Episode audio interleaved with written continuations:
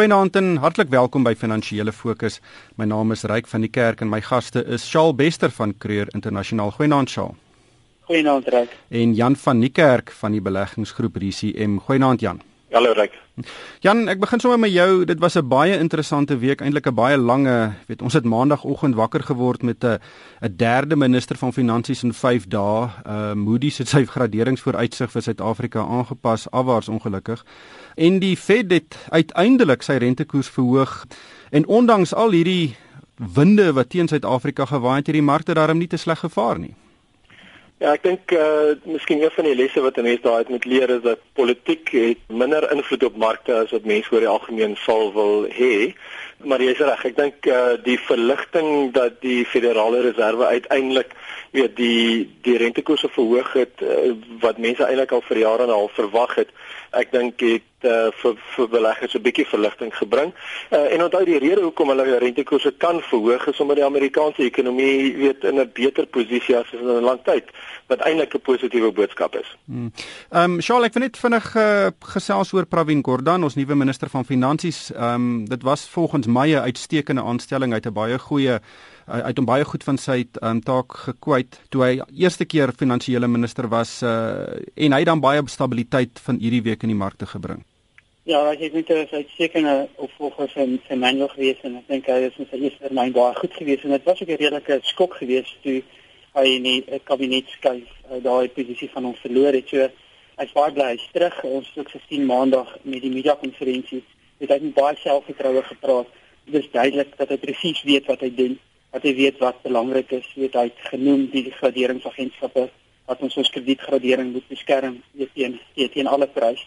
En ehm um, dit is presies wat ons nou nodig het in hierdie baie wisselvallige omstandighede.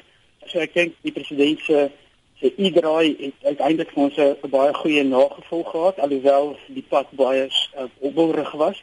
Dis sit ons nou met 'n minister wat ek dink ons mee kan lewe wat die wêreld, internasionale wêreld nou nou nou opsien.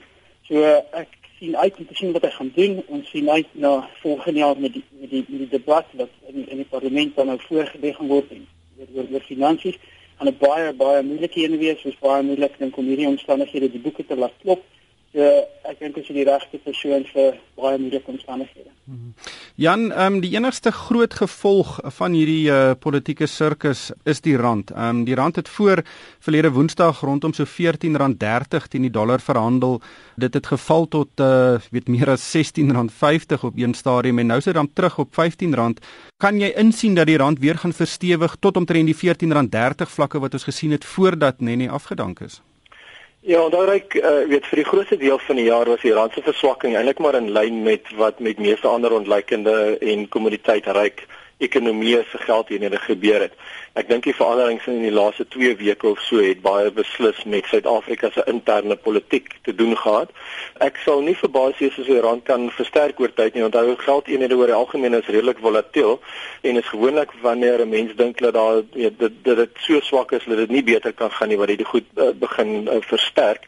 Ek weet nie oor watter tydshorison dit sal gebeur nie. Ek dink Suid-Afrika se beeld by internasionale beleggers het baie skade gelei afgelope tyd en ek dink dit gaan baie lank neem vir daai beeld om te herstel. En ek dink uh, weet dis goed dat meneer Gordon aangestel is en ek dink hy's 'n fantastiese finansminister maar die res van die wêreld en wat ons almal graag sou wil sien is of meneer Gordon sy tipiese uh, omsigtige finansiële beleid sal kan implementeer uh, en of hy by die dissipline kan hou en weet die eerste groot toets kom maandag of môre wanneer dit die dag is vir Israel om te besluit wat hulle gaan doen en daarna volgende jaar met die eerste begrotingstoespraak sal ons wil sien wat hy wat hy sê en of hy die ANC of dan 'n baie spesifieke groep binne in die ANC of die regering intoom kan in terme van spandering. Hmm. Sal die Amerikaanse rentekoersverhoging se grootste moontlike impak op Suid-Afrika is druk op die wisselkoers. Ons het nog nie gesien werklik dat dit uh, 'n uh, uitvloei van kapitaal uit Suid-Afrika meebring nie. Uh, Dink jy dit kan 'n langer termyn impak hê? Well, die dansie vir afstand was verslag die Amerikaners rentekoers gaan verhoog, maar ek dink hierdie hierdie onlangse rentekoersverhoging sal baie lank bespreek is. Ek dink dit was um, algemeen aanvaar en in die mark ingeprys dat dit waarskynlik in 2015 sou gebeur. So ek dink al die kapitaalvloeie wat sou gebeur het al gebeur. Dit is nie gewoonlik as 'n klok wat lê en nou gaan rente so op en dan begin kapitaal uitvloei nie. Um, ek dink dit wat ons nou onlangs gesien het was uh, Suid-Afrika spesifiek en uh, soos Jan ook genoem het omdat ons 'n kommoditeit produsent is en ons so ontleikende mark is, dis hoekom ons maar maar swaar gekry het wat dit dan betref. Maar uh, definitief as die Amerikaners se rentekoerse baie aantreklik raak, dan kan ons sien dat dat, dat hierdie vloei van kapitaal na Amerika miskien um, kan toeneem en dat die tempo daarvan kan kan versnel. Ons moet daai 25 basispunte nog altyd baie naby aan nul sit. Dit is nog nie so aantreklik nie. Hmm. Maar ek ek dink die tempo van die versnelling kan dalk beleggers meer motiveer om in Amerika te belê. Jan, ek het hierdie week met Dr. Adrian se wil van Citadel gesels en hy het 'n baie interessante opmerking gemaak.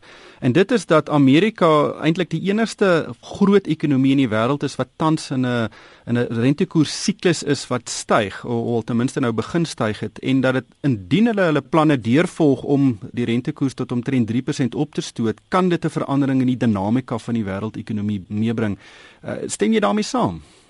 Ja, ek dink hy's hy's reg. Ek stem saam. Uh jy weet Amerika is een van die groot ekonomieë wat in 'n baie beter situasie is. Uh, ek dink Engeland se ekonomie is ook redelik sterk. Ehm um, weet en hulle is miskien nader aan 'n rentekoersverhogingssiklus as meeste van die ander. Ons weet Japan sukkel nog steeds met deflasie en hulle is besig om hulle ekonomie te stimuleer met lae rentekoerse. En in Europa is uh, is uh, meneer Draghi nog steeds besig om hulle ekonomie te probeer beskerm. So en ek dink dit gaan beslis die dinamika verander, maar dis nie 'n verrassing nie. Dis iets wat meeste markdeelnemers en kommentators al vir 'n lang tyd sien. So dis gewoonlik wanneer daar iets onverwags gebeur wat die dinamika verander. So ek dink meeste mense het al reeds antisipeer dat rentekoerse sal verhoog. So baie van die vloeye in kapitaalmark wat mense verwag het al reeds begin gebeur. En ek dink die ander ding is as mevrou Helen uh, gaan stadig rentekoerse verhoog soos wat hulle aangedui het. 'n uh, Vorige keer uh, toe Allan Greenspan in beheer was van die Federale Reserve en hulle rentekoerse oor 'n lang periode geleidelik toegeneem het, ehm um, weet jy dit eintlik was uh, die die wêreld gestook tot in die eiendomsborrel wat ons gesien het in 2007. So uh weet uh, ek dink ou moet versigtig wees om te sê dat die geleidelike toename in rentekoerse gaan die dinamiek verskriklik verander. Hmm.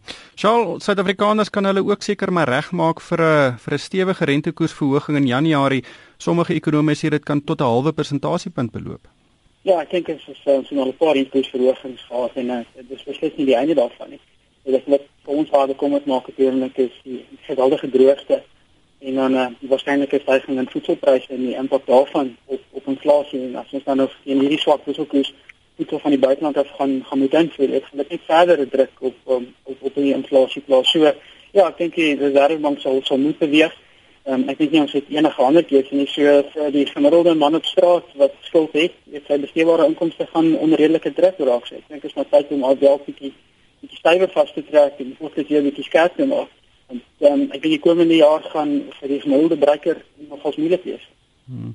Ja Jan, die komende jaar gaan sy eie uitdagings sê. Ehm um, interessant genoeg Moody's het uh, hierdie week sy graderingsvooruitsig van Suid-Afrika van stabiel na negatief verander, maar tog bly Moody's se soewereine gradering van Suid-Afrika 'n kerf bo die van Fitch en Standard & Poor's en dit in 'n mate eh, wys dan dit gaan hom nie so sleg nie. Ja, ek ek dink ons moet net aanneem dat die graderingsagentskappe uh, se beweeg gewoonlik maar redelik stadig, so hulle neem hulle tyd om die fundamentele faktore in ag te neem. Dit is ook nie 'n verrassing dat Suid-Afrika se gradering besig is om te verswak nie as 'n land in die ekonomie uh weet steun ons redelik sterk op kommoditeite en kommoditeitspryse het verswak wat beteken dat ons handelsbalans eintlik maar onder druk is. So dis nie 'n verrassing nie en almal weet dat ons staatsfinansies weet tot 'n groot mate onder druk is. So dis nie die verrassing nie. Maar ja, ek dink die die punt is dat ehm um, weet die die dit is in die verkeerde rigting op pad en weet selfs met die beste finansiële bestuur gaan ons teen teen net die huidige graderings volhou. Dit gaan baie moeilik wees vir Suid-Afrika om hulle gradering te verbeter in, in 'n wêreldekonomie waar kommoditeitspryse onder ongelooflike druk is. Miskien as ek nou net net daar aankom, hierdie week het gesien dat dat Fitch uh, Brazil afgegradeer het tot tot rommelstatus en en nou ek um, eer gister wat Argentinië hulle geldeenheid gedevalueer het. So dis duidelik dat hierdie pyn wat ons ervaar nie net eie tot Suid-Afrika is nie. Ons sien reeds die impak al van en in die eerste drie lande is nou al klaar gegradeer tot tot rommelstatus. So dit ek dink onderstreep net hoe dit vir ons lyk in die mark daar buite is. Hmm. Ja, ek dink Suid-Afrika sal baie goed vaar indien ons uh, gradering uh, beleggingsgradering aanstaande jaar kan handhaaf uh, en resessie vermy. Ek dink die donker wolke hang oor Suid-Afrika vir volgende week. Maar Jan, um, een van daai wolke is die platinumprys wat vir Suid-Afrika natuurlik baie belangrik is.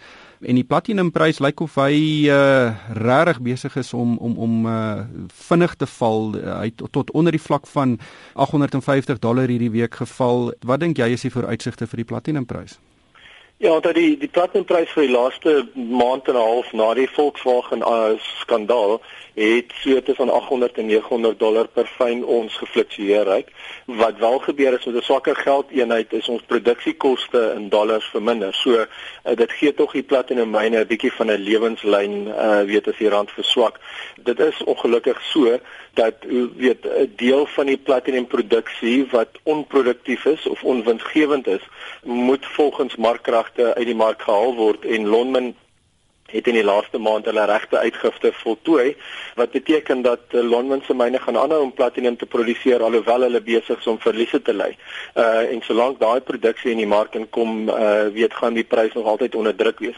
Dit is tog interessant om op te let dat teen die huidige pryse rondom 800 tot 850 dollar per fyn ons is die platinum prys laer as wat die her die die recyclers of hersikuleerders se se kostepryse. So 'n groot deel van die platinum mark uh, en die rede hoekom die platinum pryse styg het is omdat ons die die hersikuleerders in Europa het, maar hulle het ook 'n basiskoste en selfs hulle is besig om verliese te maak. So die pryse is nou so laag dat daar is miskien net twee myne in die wêreld wat nog op 'n kontantvloei basis geld maak. Dis Mogalakwena en dan een myn in Zimbabwe. Al die ander platinum myne maak verliese op die oomblik en dit is 'n situasie wat nie baie lank kan volduur nie.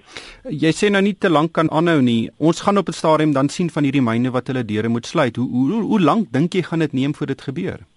Ja kyk, die die spanning op die oomblik is die regering se behoefte om werkskepping te hou teenoor die markkragte wat dit platinumpryse verlaag. So dis baie moeilik om te sê hoe lank dit gaan hou. Weet die enigste verskil is hoe langer dit neem, gaan die myne se toemaak gaan net meer chaos wees uiteindelik. Uh want dit gaan uh, weet dit gaan op 'n punt kom waar dit onafwendbaar is. Terwyl as die mense dit voor die tyd kon bestuur, weet dan sou dit gemakliker gegaan het. Maar ek sou dink 2016 is 'n jaar waar waar iets spesifiek moet gebeur. Hmm. Ehm um, Charles net laastens uh, ons het hierdie week in die Financial Times gelees dat uh, Barclays dalk van sy bedrywighede in Suid-Afrika of in Afrika kan kan inkort. Ehm um, onmiddellik het die mense gekyk na Absa of Barclays Africa. Dink jy dit kan gebeur? Dink dit is dalk 'n waarskynlikheid, maar ek dink uh, Suid-Afrika spesifiek is, is baie belangrik vir vir Barclays. In drank altyd baie by tot, tot hulle verdienste. En as jy net 'n bietjie terugdink na na die kredietkrisis, die, die banke internasionaal gevou het en deur hulle regeringsondersteuning moes word, was uh, Absa 'n baie belangrike bron van van inkomste deur die dividend wat aan Barclays betaal het. So ek dink nie Barclays kan baie klaar oor oor Absa en hulle lewe nie. Kyk net na die destyds in 2005 toe hulle vir Absa of die belange in Absa gekoop het en die dividende wat hulle intussen ontvang het, is het hulle omtrent al alles in dividende gekry wat hulle destyds uh, vir die prys betaal het. So dit maak sou weet dat hulle miskien dit nie as 'n kernbesigheid sien nie en dan sal afverkoop teen die regte prys. Uh, maar ek dink dit sou baie moeilik wees om 'n uh, koper vandag um, vir daai belang te kry. Maar tog is Absa of Barclays Africa baie winsgewend. Dit is 'n dit is 'n wonderlike bank en dit is baie moeilik vir internasionale banke om 'n 'n vaste plek in Suid-Afrika te kry. Dit ons ons vier groot banke het uh, so 'n bietjie van 'n eintlik van 'n van 'n monopolie. En dis kom dit so so aantreklik vir opsie wat in 2005 vir die belang te koop. So dis baie moeilik om te sien dat hulle net daarvan sal wegstap. Miskien dit wat nou gebeur, miskien die die risiko van besigheid in Afrika so klein bietjie onderstreep. Maar uh, besigheid in Afrika kan baie winsgewend wees. Mense moet miskien net verstaan die omstandighede en die die eksterne omgewing waarin jy besig is. As jy dit verstaan en begryp, en dadelik kan aanpas, dan kan mens goed geld maak in Afrika. Hmm. Ja Jan, dis eintlik sal 'n groot verrassing wees want Absa het begin om sy handelsmerk te verander na die blou van Barclays toe. Hulle het reeds een tak iewers hier in Johannesburg uh, het hulle daai um, handelsmerkveranderinge aangebring, maar dit vinnig weer afgehaal. Ehm um, dink jy uh, hoe hoe lees jy hierdie hele situasie? Ja, ek ek ek dink 'n ou moet weet buite om net na Absa te kyk, jy moet kyk na die insentiewe vir Barclays om veranderings te maak. Hulle het 'n nuwe voorsitter, 'n nuwe uitvoerende hoof. Die die nuwe raad is aangestel nie om dinge goed gaan by Barclays in Londen nie, maar om dinge swaar gaan. Barclays is een van die internasionale banke wat opgevang is in meeste van die internasionale bankskandale die afgelope paar jaar en hulle het nodig om hulle kultuur te verander en hulle het ook nodig om weet na hulle besigheid eh, te kyk en in daai tipe van omgewing uh, moet 'n mens nie verwag dat rasionele besluite altyd geneem word nie. Ek stem met Charles saam. Ek dink Absa of Barclays Group Africa is 'n baie goeie en winsgewende besigheid maar ek dink daar's ander dinge wat weeg op Barclays se besluit uh, in in hierdie omgewing. Ek dink nie dis noodwendig uit te waai met weet die afgelope week se gebeure in Suid-Afrika nie. Ek dink dit het meer te doen met Barclays se eie proses. Onthou dis hulle was die enigste bank wat ook deur die finansiële krisis gekom het sonder om regering skuld te neem omdat hulle aggressiewe bonusse wil betaal vir mense in hulle topstruktuur. So weet Barclays is besig om met al daai dinge uh, op die oomblik om te gaan en dis baie moeilik om dan weet rasioneel te dink oor watter beleggings besluit hulle gaan neem oor Absa. Absa is 'n fantastiese bate en ek dink daar is baie ander internasionale banke wat teen teen sal belangstel. Mense sal dink aan iemand so Standard Chartered wat al vir jare in ontleikende markte besigheid doen wat vir jare in Afrika en Asië is. Uh, en ek dink hulle sal byvoorbeeld 'n natuurlike koper wees vir so bate. Hmm. Ongelukkig hierdie tyd ons ingehaal. Baie dankie aan Shaal Bester van Creer Internasionaal en Jan van die Kerk van RCM. En vir my ryk van die Kerk, dankie vir die saamluister en ek koop almal met 'n winsgewende week.